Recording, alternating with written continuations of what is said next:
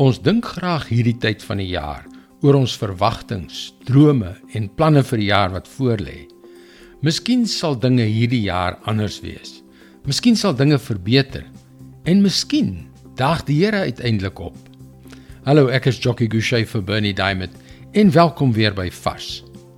Dit is die natuurlikste ding in die wêreld om gedurende die eerste paar dae van die jaar entoesiastiese planne te beraam en groot dinge te bedink gaan hulle hierdie jaar tot vervulling kom.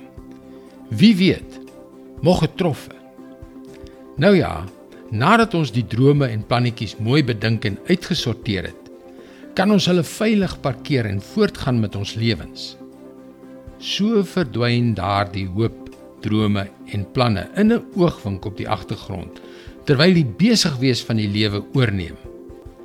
Maar sê nou, dit was nooit veronderstel om so te wees nie. Spreuke 16 vers 3.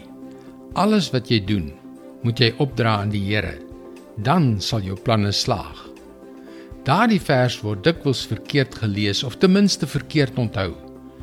Mense sê laat jou planne aan die Here oor. Maar dis verkeerd. Eintlik sê dit alles wat jy doen. Met ander woorde, wy elke dimensie van jou lewe aan die Here.